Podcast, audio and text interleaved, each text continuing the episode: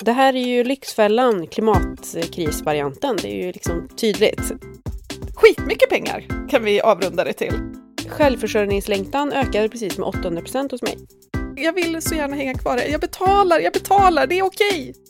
Jag behöver inte böta till EU, vad jag vet. Hur mår ditt bankkonto? Privat fråga, hörru. Mm. eh, alltså, det har ju haft bättre trivselvikt, det har det. Mm. jag skulle säga att förra vintern tog elpriserna stora tuggor av bufferten, bara glufs glufs, medan mm. vi väntade på att få byta till liksom mer energieffektiv uppvärmning och sådär. Och nu när vi har löst det, ja då skenar ju räntorna istället. Mm. Hur har du det då med bankkontot? Ja, men den här eh, size zero-trenden Så man börjar se. Jag hade ingen aning om att det även gällde ekonomin och bankkonto. Eh, mm. Men det verkar, det verkar vara så. Nej, men alltså, I våras så var det så tomt. Alltså det ekade som i en kyrka. det, var, det var höga elpriser och husbygge och brist på uppdrag också. Eh, när kommuner och företag började liksom andas lågkonjunktur. Så det var lite kärvt. Det är väl det som är det tråkigaste också med dåliga ekonomiska tider, att allt hänger ihop. Börjar det liksom hända något på ena fronten, då faller hela korthuset förr eller senare. Att det märks mm. i alla skeden av livet. Liksom. Matpriser, elpriser, jobbuppdrag. Allt hänger mm. ihop. Det, det positiva är väl att man har haft väldigt bra koll på sin ekonomi. Ja. Eh, det är inga prenumerationer som bara dras på autogiro som man upptäcker i efterhand eh, händer inte numera. Kan ha hänt förut. Oh ja. Men du, inflation, höjda räntor, ökade matpriser och elpriser och dessutom en hel del utgifter efter sommarens översvämningar och skred. Och då undrar man, hur påverkas egentligen ekonomin av ett förändrat klimat? Och hur påverkas utsläppen av en förändrad ekonomi? Mm. Och vad blir kostnaden om vi inte ställer om? Så himla många vettiga frågor om jag får säga det själv. det får du. om detta, eh, klimatkrisen som plånboksfråga ska vi snacka om i dagens avsnitt. Och vi som poddar heter Maria Soxbo som egentligen alltid liksom jobbat efter devisen att jag inte behöver tjäna mer än att jag kan ge min familj ett rimligt liv. Och sen lägger jag hellre resten av tiden på att jobba ideellt eller ha kul. Mm. Eh, men som samtidigt tycker att världens allra rikaste kanske kunde kasta lite mer pengar åt ideella organisationers håll. Och Emma Sund som håller med dig i allt du sa precis och eh, som har bytt ett ganska ekonomitungt liv mot ett liv som inte är helt lånefritt, men kanske snart. Spännande! Apropå höjda räntor. Mm. Och nu ska vi dra igång. Men först ett klipp. Around the world, the ravages of climate change are evident in record high temperatures, floods, fires, and other natural disasters. Here in the U.S., President Joe Biden is taking executive action to address the climate crisis, citing climate change as both a national security risk and an economic risk. My colleague Ali Rogan takes a closer look now at the other economic costs of inaction. A major plan from Democrats in Congress to address climate change is now all but dead. Last week, West Virginia Senator Joe Manchin said he would not support the legislation, citing what he said was the proposal's inflationary impact. But the White House Office of Management and Budget says failing to act on climate change could cost the federal government $2 trillion annually. And a recent study from Dartmouth University found the United States alone was responsible for over $1.8 trillion in losses to developing countries between 1990 and 2014. Det där var ett klipp från Amerikat och eh, PBS News. Och detta handlar alltså om vad klimatförändringarna kostar varje år om man inte lyckas få styr på det, alltså eh, klimatförändringarna. 2 trillion dollar om året. Alltså 2 biljoner dollar, vilket i svenska kronor skulle bli ungefär 20 miljoner miljoner. Ja, ni fattar. Det är asmycket pengar. Och det här är alltså ju bara i USA. Och per år ska också tilläggas ytterligare en gång. Det är helt sjukt. Det är så mycket nollor att vi har faktiskt inte tillräckligt med programtid för att räkna upp alla de här nollorna. Nej. Skitmycket pengar kan vi avrunda det till. pengar. Eh, och då kan man ju undra så här, varför snackas det så mycket om omställningens kostnader och inte vad det kostar att köra precis rakt in i väggen? Nej, exakt. Och det här är ju inte, nu var ju de här jättemånga nollorna, det handlade ju bara om USA. Mm. Eh, men det här är ju ingenting som Sverige kommer undan. PGA klimat är globalt. Mm. Eh, så tar vi stormen Hans som exempel, färskt i minne om man säger så. Yep. Bara mellan Malå och Norsjö så blåste Hans sönder 400 000 kubikmeter skog till ett mm. värde av 200 miljoner kronor. Det var bara där. Eh, och då har vi liksom inte räknat in trasiga vägar och byggnader och allt annat som gick sönder, till exempel alla privatpersoner som fick sina källare översvämmade och kostnaderna kring det. Dyrt! Ja, det är så jädra mycket pengar. Ja, och ett annat exempel. För två år sedan så svämmade ju Gävle över efter ett sånt här riktigt eh, superregn och väder. Mm. De översvämningarna har Länsförsäkringar räknat ut att de kostade 1,8 miljarder kronor. Och då jämför de med ett vanligt år, för översvämningar händer ju lite grann varje år, mm. eh, olika källare. 150 miljoner kostar ett vanligt år och bara den översvämningen i Gävle kostade 1,8 miljarder. Herregud. Och då ska vi ju säga så här att de klimatförändringar som vi ser idag och effekterna av dem, det kan man ju inte backa ifrån. Utan det man vill är ju att, att sänka utsläppen så man inte eh, når värre nivåer av den här skiten. Nej, precis, för extremväder blir vanligare och vanligare i takt med klimatförändringarna och extremväder leder till skador på infrastruktur ja. och hus och vägar och skog och allting. Och det kostar pengar. Ja. Och det här, det som du rabblar upp nu och kostnaden också, det är ju några av klimatförändringarnas effekter. Och då förstår man ju varför det är så jädra skarp klimatpolitik i Sverige, eller hur? Mm. Eftersom man inser att vi, om vi inte gör något åt situationen så kommer det ju bli ännu värre och ännu mer kostsamt. Ja, precis. Så det ser vi ju tydliga tecken av i vår budget. Sådär. eller vänta, nej, det gör vi ju inte. Oh, gud! För samtidigt som vi har haft ja, men det här i Gävle och Hans och så vidare så har ju regeringen exempelvis då skurit ner stödet till kommunernas klimatanpassningar med 25 miljoner i senaste vårbudgeten. Mm. Så prislappen för skadorna skenar och plånboken minskar mm. samtidigt. Mm. Svensk klimatpolitik går ju helt åt fel håll, det kan vi ju vara hyfsat eh, överens om. Yep. Och det här, det, alltså, som att det inte vore nog så kommer förmodligen Sverige att behöva betala eftersom vårt land bryter mot EUs klimatkrav. Så att eh, det... ja, jag vet fan. Eh, det här börjar bli så jävla snurrigt. För så här drar man på sig en utsläppsskuld måste man enligt EU-lag kompensera för det längre fram. Men och det här är ju jävligt smart av regeringen. Anledningen därför vi måste då betala förmodligen till EU för att vi inte gör tillräckligt. Det kommer alltså hamna på nästa eller nästnästa regeringsbord. Kul! Jättekul! Och det här hänger alltså ihop med att EU har ambitiösa utsläppsminskningsmål, vilket är toppen. Mm. Till 2030 ska utsläppen nästan halveras inom EU och till 2050 ska EU inte orsaka några nettoutsläpp alls. Och så finns det då ett liksom, eh, superkomplicerat utsläppsrättssystem och problemet är ju att det är många stora EU-länder som verkligen, verkligen fortfarande släpper ut mycket. Mm. Tyskland, Frankrike, Italien, de kommer behöva jättemycket utsläppsrätter för att det tar tid att ställa om så stora ekonomier. Och sen så finns det ju då fattiga EU-länder som inte alls behöver mycket utsläppsrätter, Rumänien till exempel. Mm. Och då har man någon så här eh, optimistisk tanke om att ja, ja, men då använder vi de fattiga ländernas utsläppsrätter för att täcka behovet hos de rika länderna. Herregud, det är så jävla dumt.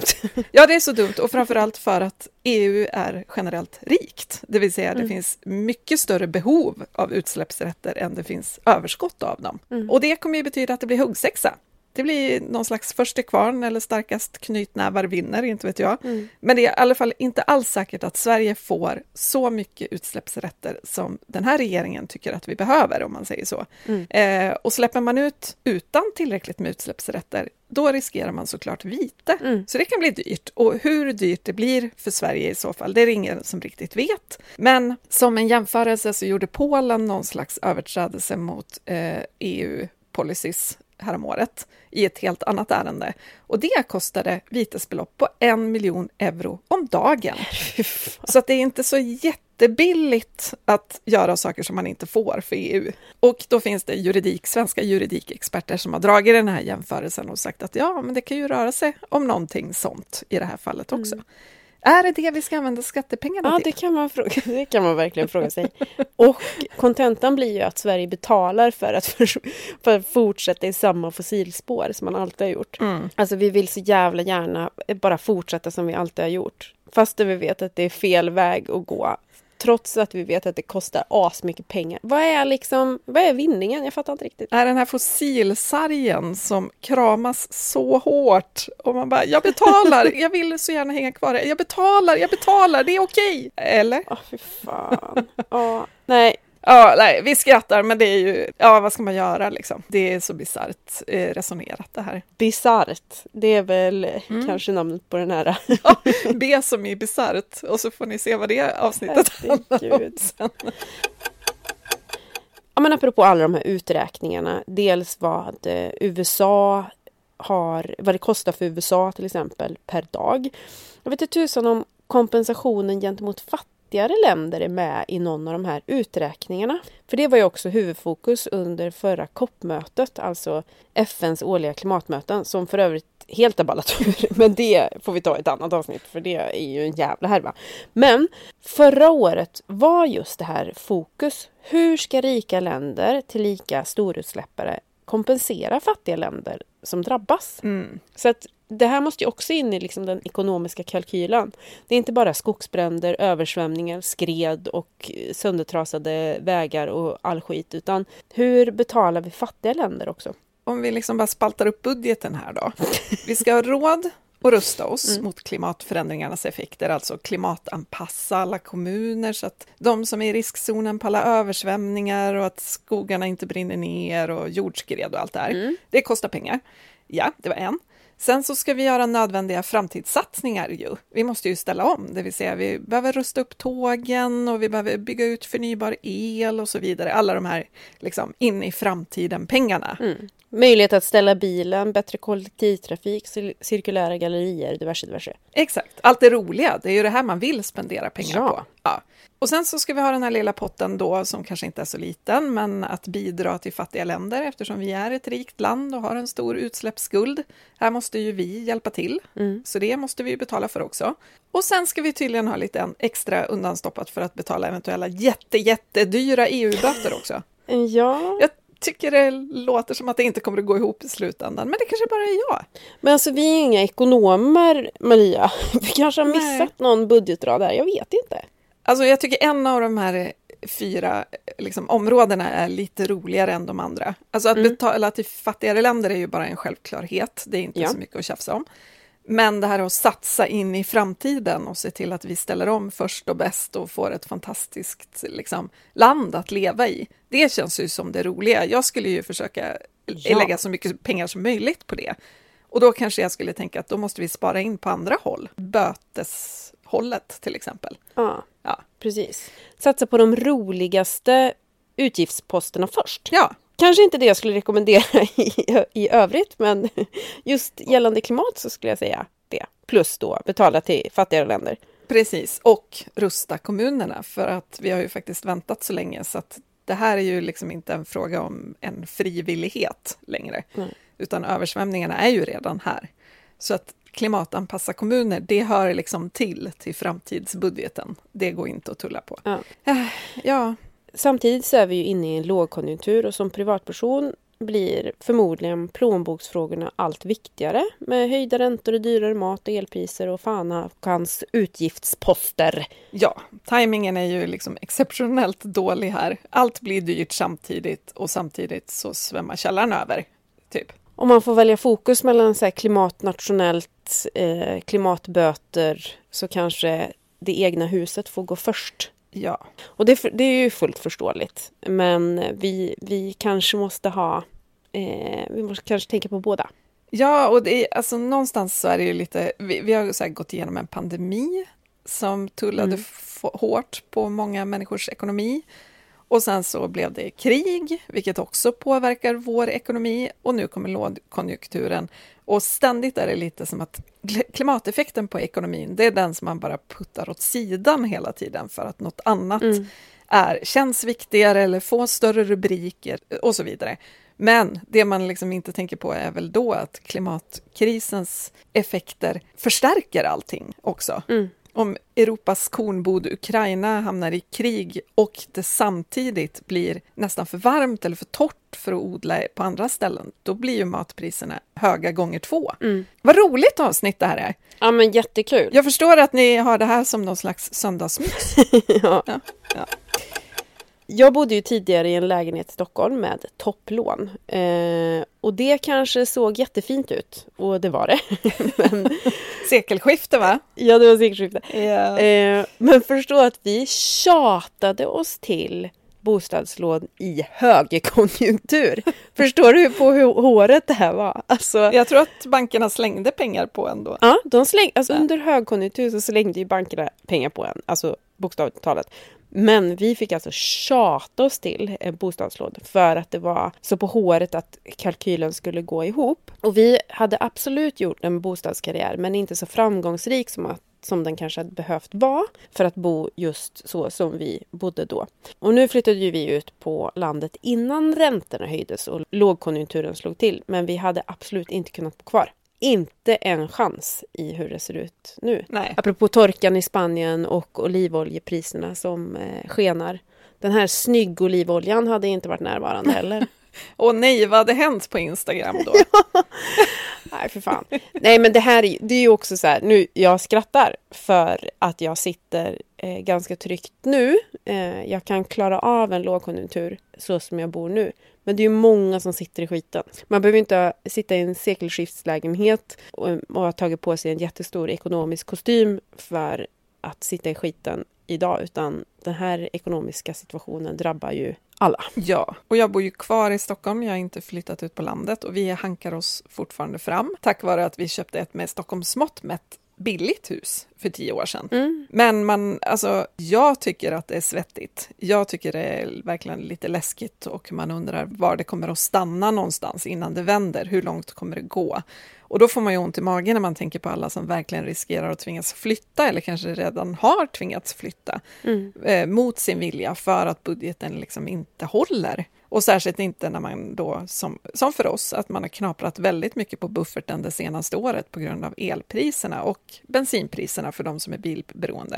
Mm. Eh, och jag tror att alla, oavsett ekonomisk situation, har blivit mycket mer medvetna om vad saker kostar. Mm. Och även om det såklart kan vara positivt ur klimatsynpunkt, att vi kanske inte överkonsumerar lika mycket längre, utan tänker efter och ja, men, lagar saker och sådär. Så det kan ju ha positiva effekter, att vi börjar bli lite mer resurs effektiva. Mm. Men det här är ju verkligen otroligt tufft för väldigt många och det ska man ju vara ödmjuk inför. Mm. Liksom. Och många som inte får tillbaka pengarna när de tvingas sälja. Precis. Eh, att man hamnar liksom i, ett, i en ekonomisk nedåtspiral. Ja, verkligen.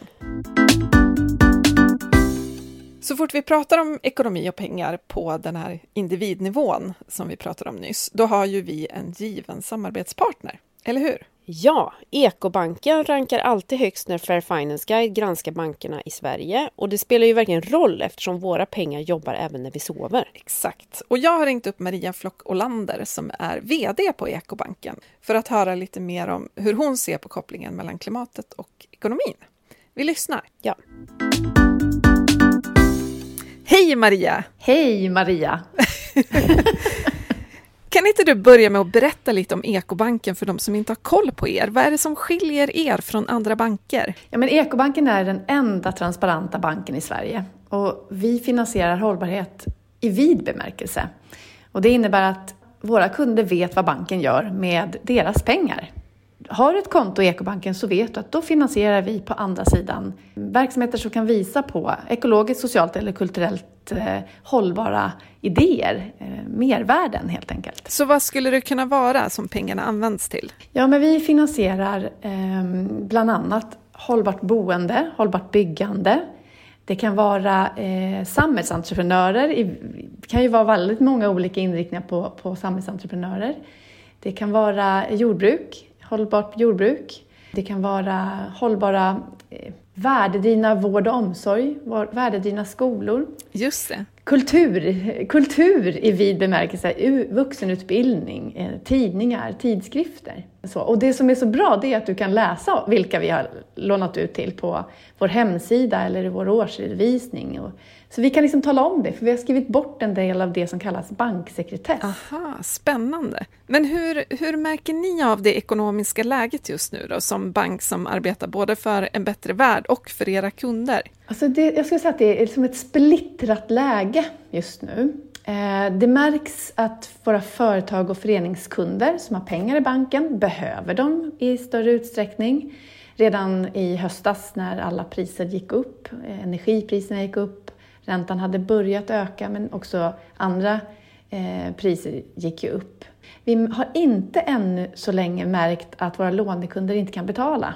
Men sen så ser man ju också att eh, det ekonomiska läget också skapar en, en eh, medvetenhet kring pengar. Så tittar man kanske ändå också på andra banker. Och det tycker jag är intressant, att i sådana lägen ändå att man letar efter en hållbar bank och hittar ekobanken. Just det, just det. Ja, men och klimatfrågan rör ju egentligen precis allt, om vi ska vara ärliga, från livsmedelsförsörjning till tillgång på el och energi, till vilken typ av företag som startar eller borde starta.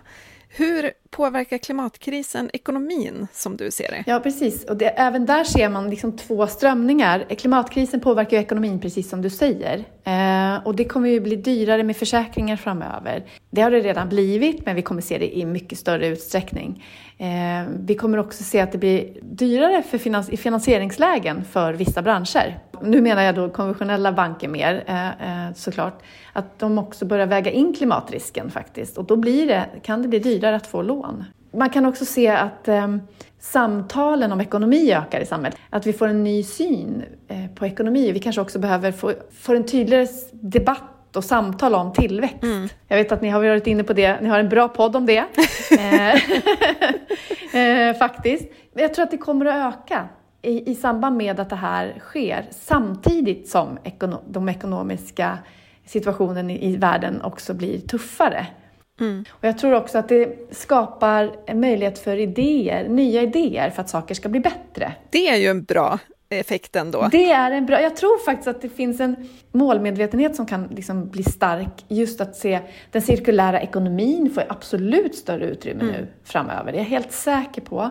Vi behöver ta hand om materialet på ett mycket bättre sätt än vad vi gör idag. Och då skapar det hållbara lösningar. Så att jag tror att det är två, två saker samtidigt och min uppfattning är ju att jag hoppas att det här som gör att vi faktiskt får ett bättre samhälle och värld att det är det som ska liksom bli övervägande då. Just det. Men du, åt andra hållet då? Om nu ekonomin förändras, hur påverkas miljön och den biologiska mångfalden av det? Nu har vi pratat mest klimat, men om vi går in på miljö och biologisk mångfald, vad händer där?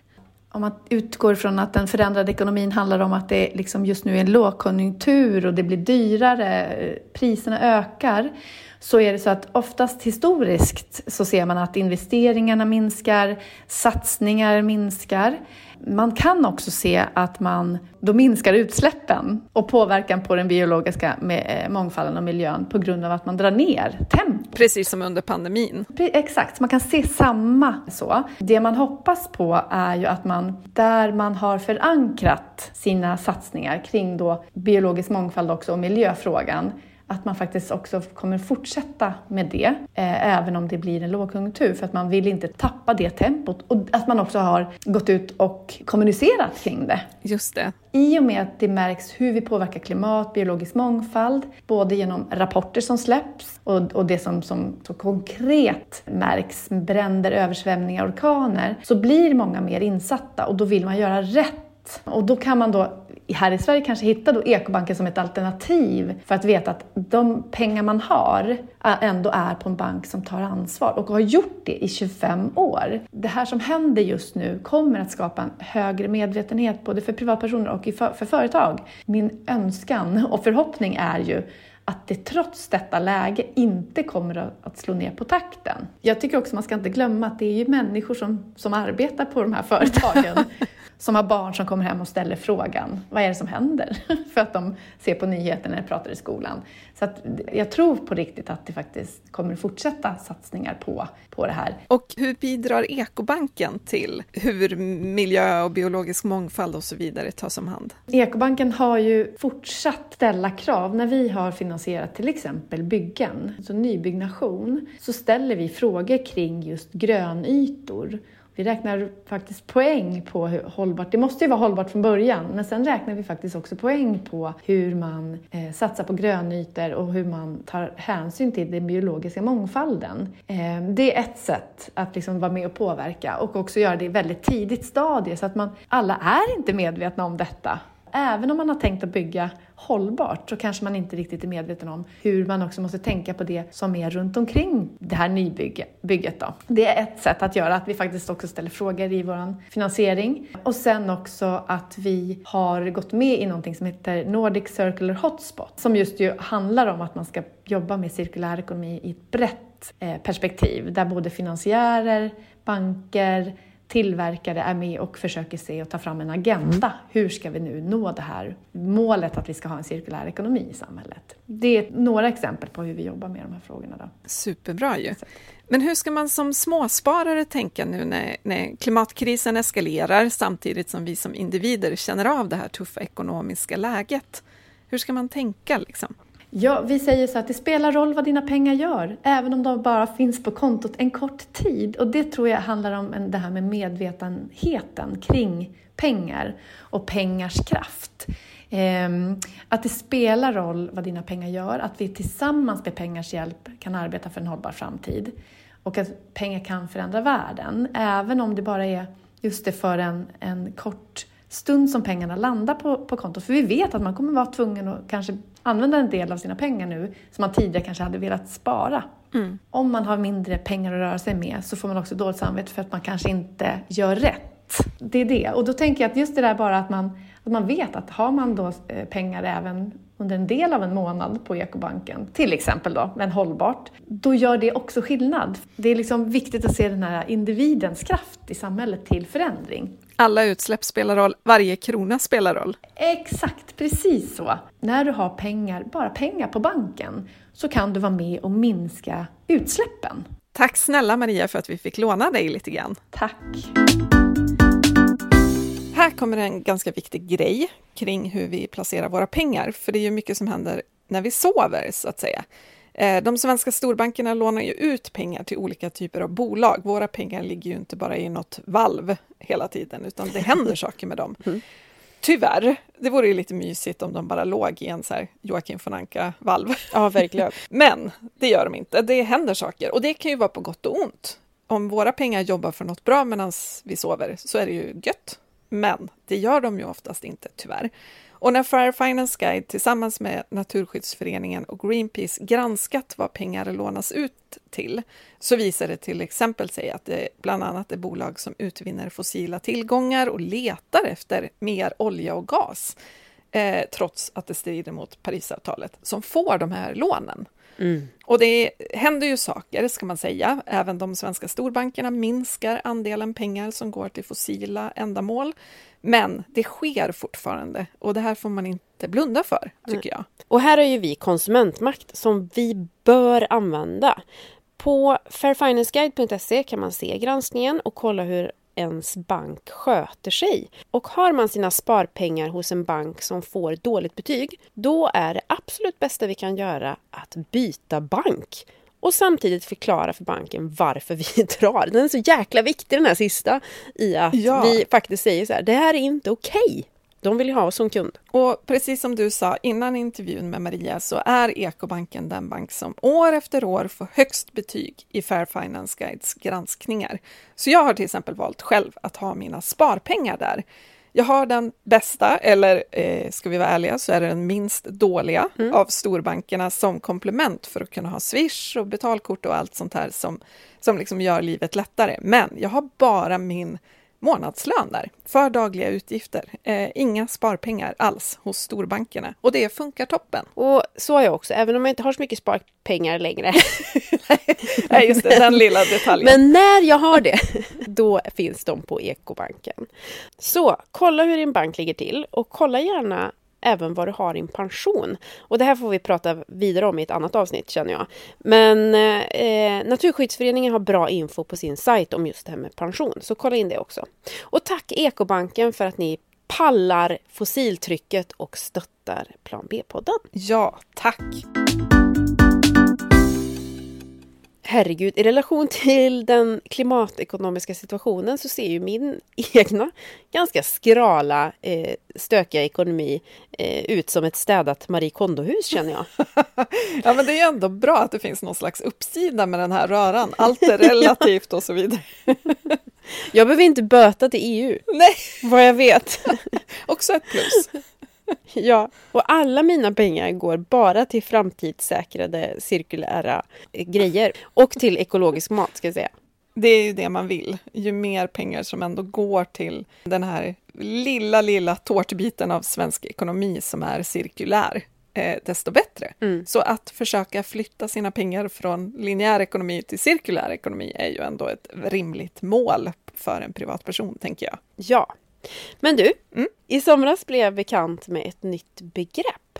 Heatflation. Spännande, berätta allt. Ja, i en fenomenal text av min nya idol Andreas Cervenka eh, PS, lyssna på hans sommarprat och börja läsa allt han skriver. Så nämnde han just det här begreppet heatflation. Jag tänkte jag ska läsa eh, högt vad han skrev. Är du med? Ja. Torka, översvämningar och bränder förstör skördar och gör det svårare att föda upp djur. Varmare klimat gör att sjukdomar och skadedjur blir vanligare. Höga vattentemperaturer dödar fisken. Kaffe och choklad blir mer svår, svårodlat. Och så vidare.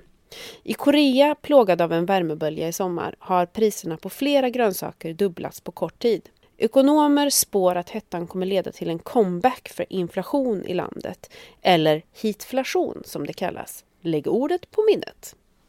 Det här handlar ju alltså om att, att eh, ett varmare klimat påverkar så mycket att det påverkar också eh, ekonomin. Rimligt ändå. Alltså även om vi som individer har svårt att lägga om våra vanor Eh, så länge vi inte får tillräckliga politiska styrmedel, så kommer ju effekten av klimatkrisen att förändra saker åt oss. Mm. Alltså sånt som vi är vana vid att det inte kostar så mycket, typ el, blir plötsligt väldigt mycket dyrare och det har vi ju redan märkt. Och nu är det lågkonjunktur och så märker vi det på att saker kostar mer och mer. Och så tänker vi ändå att en lågkonjunktur, den vänder ju förr eller senare. Men om man adderar klimatkrisens effekter på det, vad händer då? Ja men exakt. Och just det här med el och mat kommer ju väldigt nära. Det är det som påverkar oss. För vi är ju så pass beroende av det. Och kanske är det kring det som människor börjar reagera och inse allvaret. Ja men verkligen, för det är ju, alltså, vi pratar ju ganska mycket om den här fossilfesten som vi har sysslat med. Mm. Alltså det är ju roligt med fest eh, och det vill man gärna lägga pengar på tydligen. Eh, men det finns ju vissa saker som ändå är bra att kunna betala även när festen är slut. Mm. Alltså hyra, mat, el, så. Det måste ju finnas ett tänk på basbehov och mat och el kommer vi aldrig mm. runt. Liksom. Nej, annars blir det en jävla baksmälla alltså. Ja. Fy fan. Och maten blev ju dyrare i juli och en av de varor som blev dyrare var olivolja. Och det beror ju på torkan i Spanien som har förintat halva årets skörd. Och vad kommer ja, hända med... Alltså. Ja men alltså det är så sjukt. Vad kommer hända med livsmedelspriserna i en värld med förändrat klimat? Skogsbränder i Grekland, orkaner i Florida, översvämningar. Vad händer med maten som vi serverar på bordet? Ja, det här är ju en sån här jag tänker på det där att vi lär oss liksom att man ska äta i säsong, mm. men vi kanske inte alltid är så bra på det, för man är bara van. Man har ju sina rutiner, att det här äter vi till sallad och det här äter vi till mellis och så finns allt i diskarna året om. Så att de flesta av oss kanske inte riktigt tänker på att jordgubbar inte är i säsong på alla hjärtans dag och så vidare. Mm. För det finns jordgubbar i affären, de smakar ingenting, men de finns där. Eh, och det är ju så med alla rutiner, jag menar jag använder olivolja varje dag, mm. som man bara köper utan att tänka på det och så plötsligt så blir den kanske dubbelt så dyr. Inte vet jag. Det ruckar ens världsbild av hur ens vardag ser ut. Mm. Och det är inte vi vana vid, tror jag. Nej. Nej, det kommer kanske... Den här snyggoljan i inredningsreportagen som var het för ett par år sedan, den kanske kommer komma tillbaka mer som ett stilleben. En tom flaska full med billigaste rapsolja. ja. Jag vet inte vad du känner, men självförsörjningslängtan ökade precis med 800 procent hos mig. Hur funkar det att att odla olivträd i Värmland? Ja, ja, ja, men jag, jag har faktiskt ett olivträd. Det kanske inte ger jättemycket eh, frukt. Men jag hörde om någon som hade odlat bananer. Va? Eh, I Värmland? kanske... Nej, jag vet. Vänta, mitt, måste börja kura magen. Tror det var olivoljan och bananer. Nej, men såna här jordväxthus. Ah. Man gräver ner växthuset.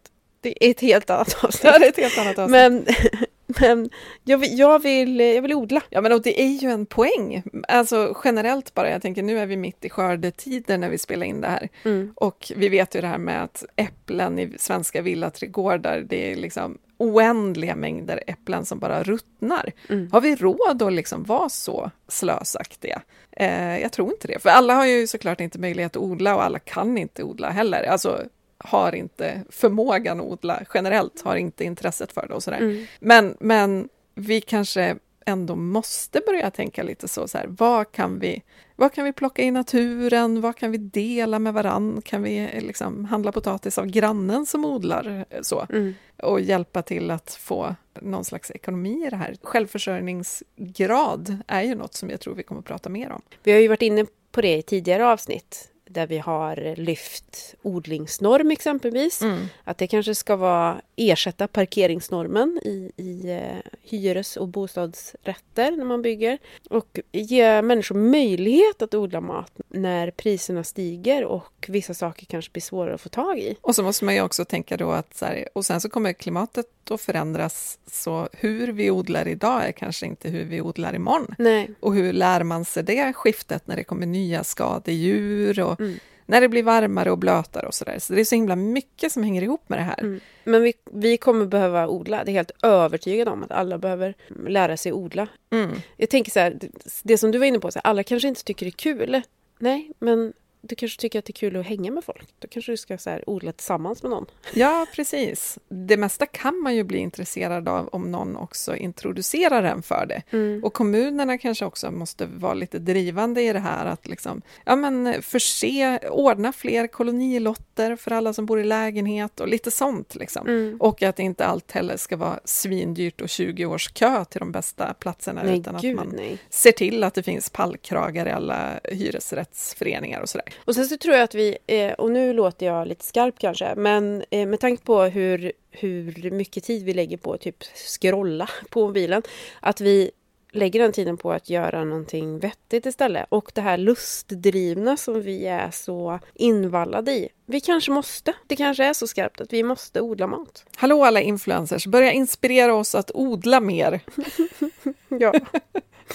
ja. Ja, nu är vi mitt i någon slags stor lågkonjunktur, den känner vi alla av och så tänker vi att ja, men allt går i vågor och så har det ju alltid varit. Vi har haft hög och låg om vartannat. Men det finns en färsk studie från Europeiska centralbanken som spår att klimatförändringarna kommer att driva upp de globala livsmedelspriserna med ytterligare mellan 1 och 3 procent per år fram till 2035. Och det i sin tur då kommer elda på den samlade inflationen. Och sånt här är jag jättedålig på att förstå, eh, inflation och hur det funkar och vad som driver vad. Men jag kan förstå det där, 1-3 procent dyrare mat varje år framåt. Ja, när jag är skarp och säger så här, vi kanske måste odla, så kanske det inte i första hand handlar om att det är matbrist. Det kan det ju också vara om det är liksom flera års torka eller översvämningar. Men det handlar väl också främst om ekonomi. När, eh, om räntorna fortsätter att stiga, om inflationen fortsätter, då måste vi kanske odla mat för att få kalkylen att gå ihop. Ja, men och sen är det ju inte bara rena liksom, kostnadsökningar som beror på vad som händer i ekonomin som kan leda till saftigare prislappar i matbutiken, utan ja, men en sån sak som kött till exempel, som forskarna är helt eniga om att vi måste äta mindre kött för att kött har så stor klimatpåverkan. Och här förespråkar ju många att vi därför måste lägga skatt på kött, höja skatterna generellt på det som släpper ut för mycket. Mm.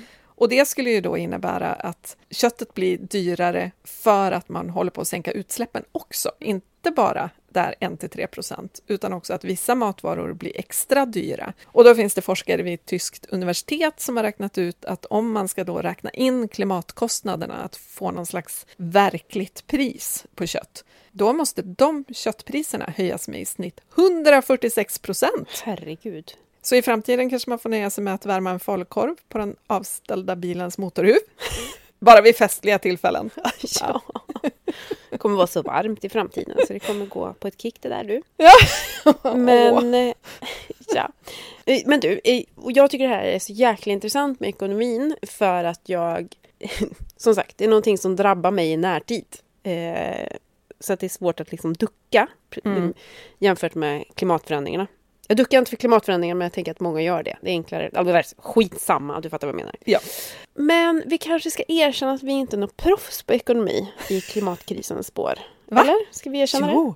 Nej, nej, vi är verkligen inte proffs. Jag tycker ekonomi är skitsvårt, eh, ska Ja. jag erkänna.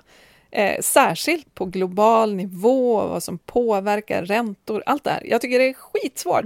Och nu är du och jag gamla journalister, så vi är ganska bra på att läsa på. Men som vanligt tycker vi också att det är rätt skönt att ta in en expert på ämnet eh, som kan säga hur det verkligen ligger till. Och det har vi gjort även i det här avsnittet, eller hur? Yes!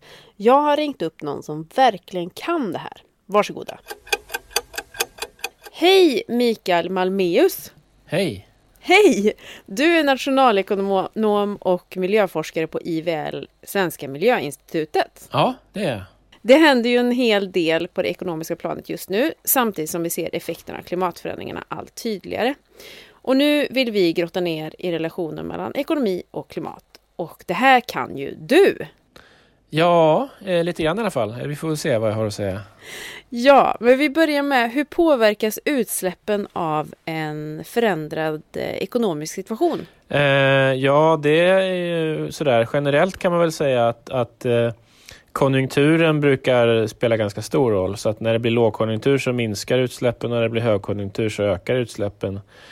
Så det är väl det korta svaret. Eh, sen kan man ju förstås fundera på vad det där beror... Eller det är ganska uppenbart att det beror på att eh, mycket ekonomisk aktivitet är högkonjunktur och nästan alla ekonomiska aktiviteter släpper ut någonting, men vissa släpper ut mer. Men sen har man en omställning också som vi håller på med, eller vi borde hålla på med, som vi till viss del håller på med, eh, som kan påverkas också. Men det kanske man inte ser direkt under själva konjunkturen, utan det är mer liksom långsiktiga investeringar och sånt där som kan påverkas. Är det en fördel att det går in i en lågkonjunktur? Jag skulle faktiskt inte säga det. På, på kort sikt, visst, vi får ner utsläppen lite grann, men de är så fruktansvärt höga i- mot vad de borde vara.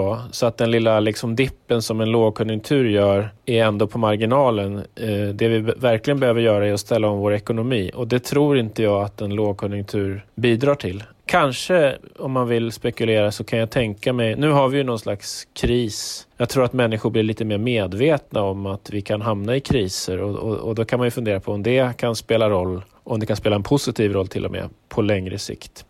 Men å andra sidan så behöver vi göra ganska mycket investeringar i förnybar energi och i massa saker och det eh, tror jag kanske pausas liksom eller bromsas upp av en lågkonjunktur. Så jag, ja, det tror jag.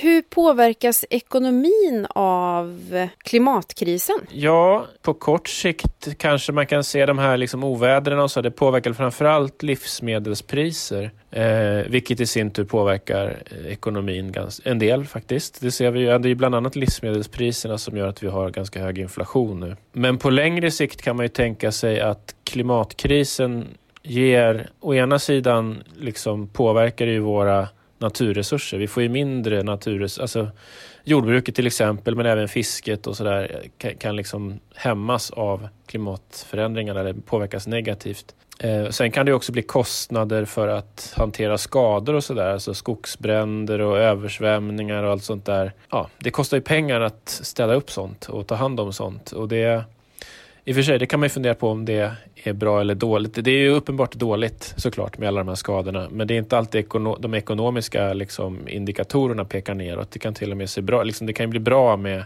ekonomisk aktivitet för att städa upp och sådär. Men jag tror inte det är så många som misstar sig på, på det. Liksom, utan det, det är ett, I princip är det ju dåligt. Liksom. På vilket sätt blir det ekonomisk aktivitet? Det är sysselsättning eller? Ja, sysselsättning och ny, man kanske måste bygga mer. Alltså, om, om hus eh, förstörs, eh, då måste man bygga nya hus. Mm. Efter andra världskriget var det ju det var ingen klimatkatastrof utan det var en annan katastrof. Men det blev ju en jätteboom i ekonomin när man skulle liksom bygga upp Europa igen. Mm. Jag tror att det här är liksom sånt där man kan sitta och säga. Jag, jag, jag har inte sett liksom att klimatförändringen eller klimatkrisen på något sätt har, har stimulerat ekonomin på något mätbart sätt, utan det är mer man kan sitta och fundera på om det skulle kunna bli så. Högkonjunktur versus lågkonjunktur då? Hur påverkas omställningstakten av det ekonomiska läget? Du har varit inne på det, men finns det liksom några vinningar eh, om man ser till omställningen eh, om man befinner sig i en lågkonjunktur? Det finns ju två sätt att ställa om ekonomin och vi behöver göra båda två. Det ena är liksom någon slags teknikutveckling och investeringar och effektiviseringar så att vi gör saker på ett smartare... Det kräver ganska mycket teknik och sådär och det kostar pengar.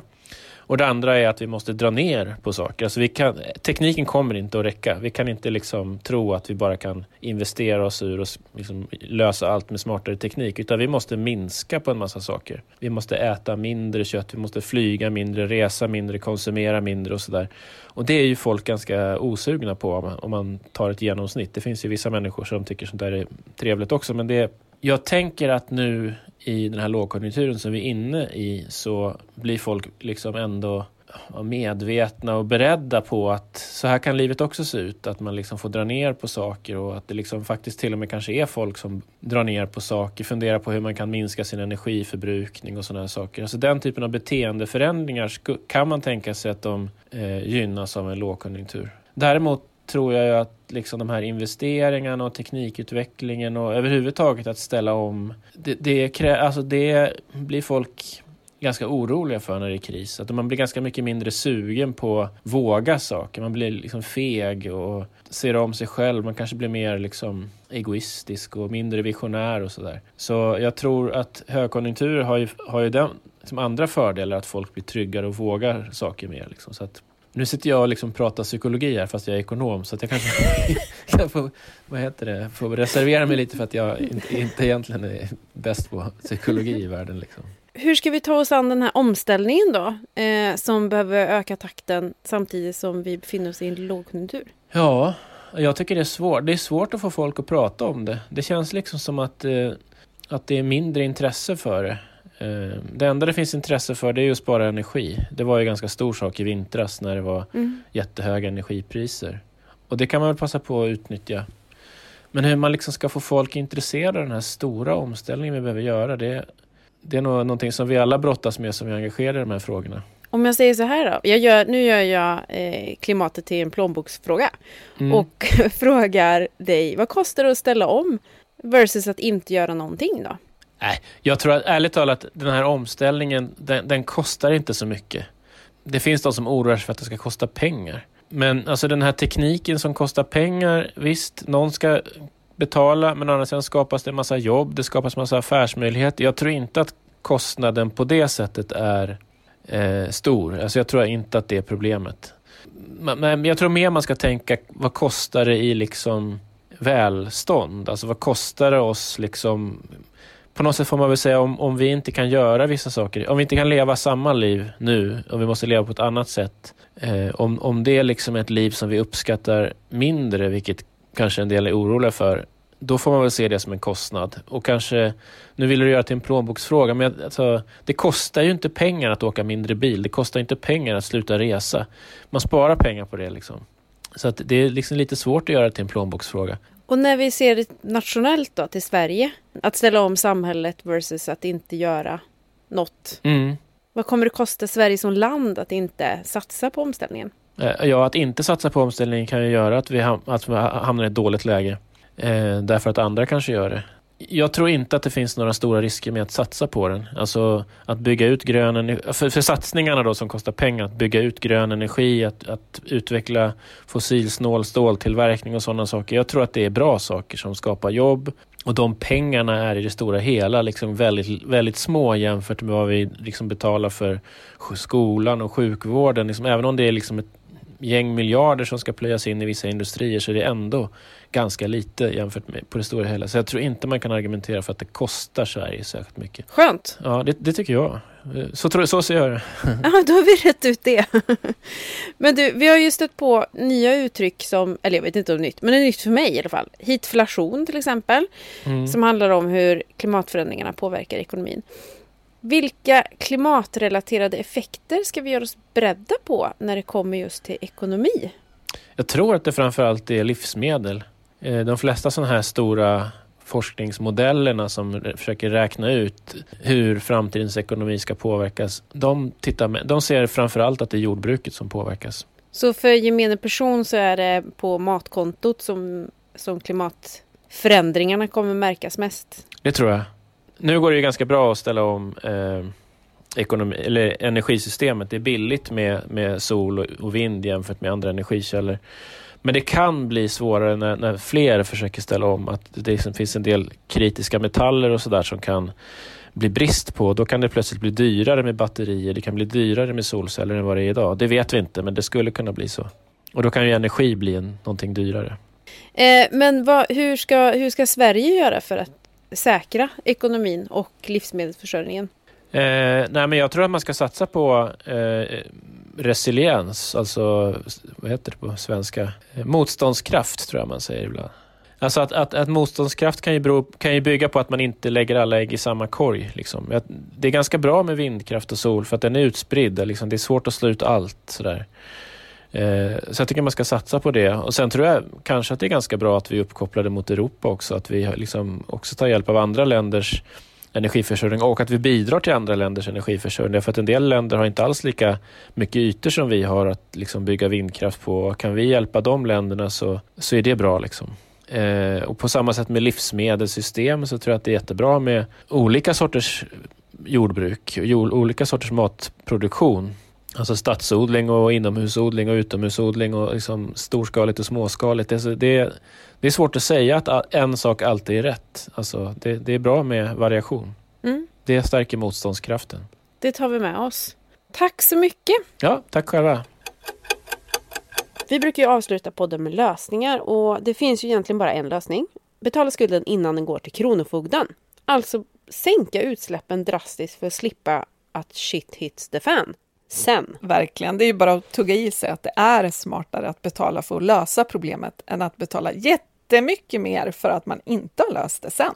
Ja. Eh, och resonerar man så, som vi ju tyvärr gör och har gjort de senaste decennierna, att vi skjuter problemen på framtiden och inte gör nödvändiga liksom, investeringar i klimatanpassningar och framtidslösningar och så vidare, då måste vi ju fortfarande betala för det sen och mm. för att försöka mildra effekterna av det här skenande klimatet. Eh, och ja. allting kommer ju bli dyrare ju längre vi väntar för att det är större skeenden som händer. Mm. Eh, det är lättare att stoppa lite översvämningar än jättemycket översvämningar. Ja. Och så vidare. Det här är ju Lyxfällan, klimatkrisvarianten. Det är ju liksom tydligt. Ja, och en viktig poäng här är väl också att vi, och det här, är som, det här har vi faktiskt gjort ett, ett avsnitt om också, men vi måste ju börja ifrågasätta dagens ekonomiska system. Mm. Just nu pratas det ju en hel del, skitmycket faktiskt, om grön tillväxt. Och grön tillväxt är ju såklart bättre än fossil tillväxt, eh, det fattar vi ju alla, men faktum kvarstår att det är ganska svårt att satsa på oändlig tillväxt jämt på en ändlig planet. Mm. Så grön tillväxt är inte heller hela lösningen. Och det här har vi som sagt gjort ett avsnitt om, så lyssna gärna på det. Ja, och när man frågade 800 klimatforskare om detta så visade det sig att nästan 3-4, alltså 73 procent, stödjer degrowth eller ag-growth. Eh, degrowth är alltså att minska produktion och konsumtion. A-growth är något slags mer flexibelt mellanting. Ja, det här är komplicerat kan man säga, yep. men det är intressanta begrepp att, att liksom kika närmare på. Mm. Nerväxt kallas det ofta på svenska. Ja, men evig tillväxt? Eh, nej. Nej, Sen behöver vi ju såklart tillväxt på så vis att de gröna delarna av ekonomin måste växa på bekostnad av de andra. Vi behöver hitta en bra balans som är inom planetens gränser. Rimligt. Maria, vi ska ju ta och avsluta det här avsnittet snart, men jag tänker att vi vill skicka med våra lyssnare några ord på vägen kring hur man kan påverka situationen. För det kan ju vara ganska jobbigt kanske att ha lyssnat på all skit bara. Allt det här kommer att hända, det kostar asmycket. Men vad fan kan vi göra då? Ja, du får börja. Ja, men jag tycker att man kan prata om det här avsnittet och vad man har lärt sig av det. Vad tar du med dig? Berätta om det för andra. Ja, men precis. Dela och tipsa andra om att lyssna på det här och på andra intressanta poddavsnitt och radioprogram och tv-program som handlar om ekonomi och klimat. Eh, för fler måste ju liksom inse vad effekterna blir klimatmässigt, men också ekonomiskt, om vi bara skjuter det här på framtiden och liksom inte tar tag i det idag. Eh, och tycker man att klimatkrisen känns lite luddig och abstrakt och komplex, det är den, så är det ju kanske lättare att förstå plånboksfrågor för många. Mm. Så att det här kan ju vara en, ett bra tillfälle att få igång ett klimatsnack med någon som vanligtvis inte riktigt bryr sig. Ja men verkligen. Eh, plånboken är lättare att connecta med, helt klart. Ja. Och som sagt, dela gärna det här eh, avsnittet. Tipsa folk om eh, Plan B-podden. Men du, jag skulle också vilja uppmana folk att göra det du kan med dina egna pengar. Byt bank, flytta pensionspengar och ta kontroll över vilken effekt dina pengar har i samhället. Ja, superviktigt. Och det är ju någonting, alltså vi kan inte påverka den stora globala ekonomin så mycket som individer, men vår egen ekonomi, den kan vi påverka. Och den påverkar ju i sig samhället. Allt hänger ihop, allt, allt, allt. Så in och kolla fairfinanceguide.se till exempel, det kan vara en bra startpunkt. Mm. Och sen också en grej till. Börja kräva bättre rustade kommuner, alltså din hemkommun. Om du eller dina grannar eller någon annan du känner har drabbats av till exempel översvämningar eller att ni har bott nära skogsbrandsområden eller det ligger nära havet bara. Det räcker ganska långt. Börja kräva att kommunen faktiskt berättar vad de gör för att klimatanpassa där du bor. Mm. Och generellt efterfråga lösningar, alltså till exempel det här med, som vi pratade om med odling. Och jobbar du på ett företag, är affärsmodellen framtidssäkrad? Finns det liksom en, en ekonomisk modell som kan ta företaget in i framtiden? Det kan vara bra att ställa chefen den lilla frågan. Kanske. Ja, och här vill jag faktiskt tipsa om någonting annat som har med Fair Finance Guide att göra, mm. för de lanserade väldigt nyligen en eh, en slags guide för hur företag kan sätta press på sina banker. Åh oh, gud så bra! Ja, så att det här är liksom som en, en handbok som man då, oavsett om man är ett litet enmansföretag eller om man jobbar på ett större företag, så kan man ju faktiskt tipsa sin chef eller ekonomichefen på företaget eller vdn eller vem som helst om den här finns på fairfinanceguide.se så kan företaget också börja sätta press på banken och då händer det ju grejer. Mm. Vi ska avsluta, men först vill jag tacka Ekobanken men också medlemmarna i Klimatklubben som inför inte alla men nästan alla avsnitt kommer med väldigt bra input kring vad de tycker att vi ska ta upp. Så tack alla ni som eh, följer Klimatklubben på Instagram och eh, i vår Facebookgrupp som bubblar av engagemang och kunskap och frågor som vi tar upp här i podden. Ja, och om ni som lyssnar på podden inte är med i Klimatklubbens Facebookgrupp till exempel, så är det också ett jättebra ställe där man faktiskt kan ställa en fråga kring ekonomi och klimat och hur man ska tänka och sådär, och så får man en massa svar. Mm. En väldigt engagerad Facebookgrupp, så det är ett ganska bra ställe att gå in i för att också få lite mer kunskap och lite boost att agera och inte känna sig så ensam i, i klimatkrisens Sverige. Men du, nu ska vi åka i framtiden. Åka i framtiden. Ja, men nu ska vi avrunda och tack hörni för att ni lyssnar. Nu är vi inne på vår sjätte säsong bara en sån grej. Asså. Det är lite hur ofta vi kommer ut, det är lite varierande, men vi kämpar på och vi är hemskt, hemskt glada för att ni lyssnar och för att ni tipsar om våra avsnitt så att några fler lyssnare hittar hit och att ni följer oss på Plan B-podden på Instagram och sådär. Och har ni några önskemål på kommande avsnitt eller folk ni vill höra intervjuas eller så, mejla jättegärna på planbpodden gmail.com. Ja. ja, tack för idag. Tack för idag. Hej! Hej!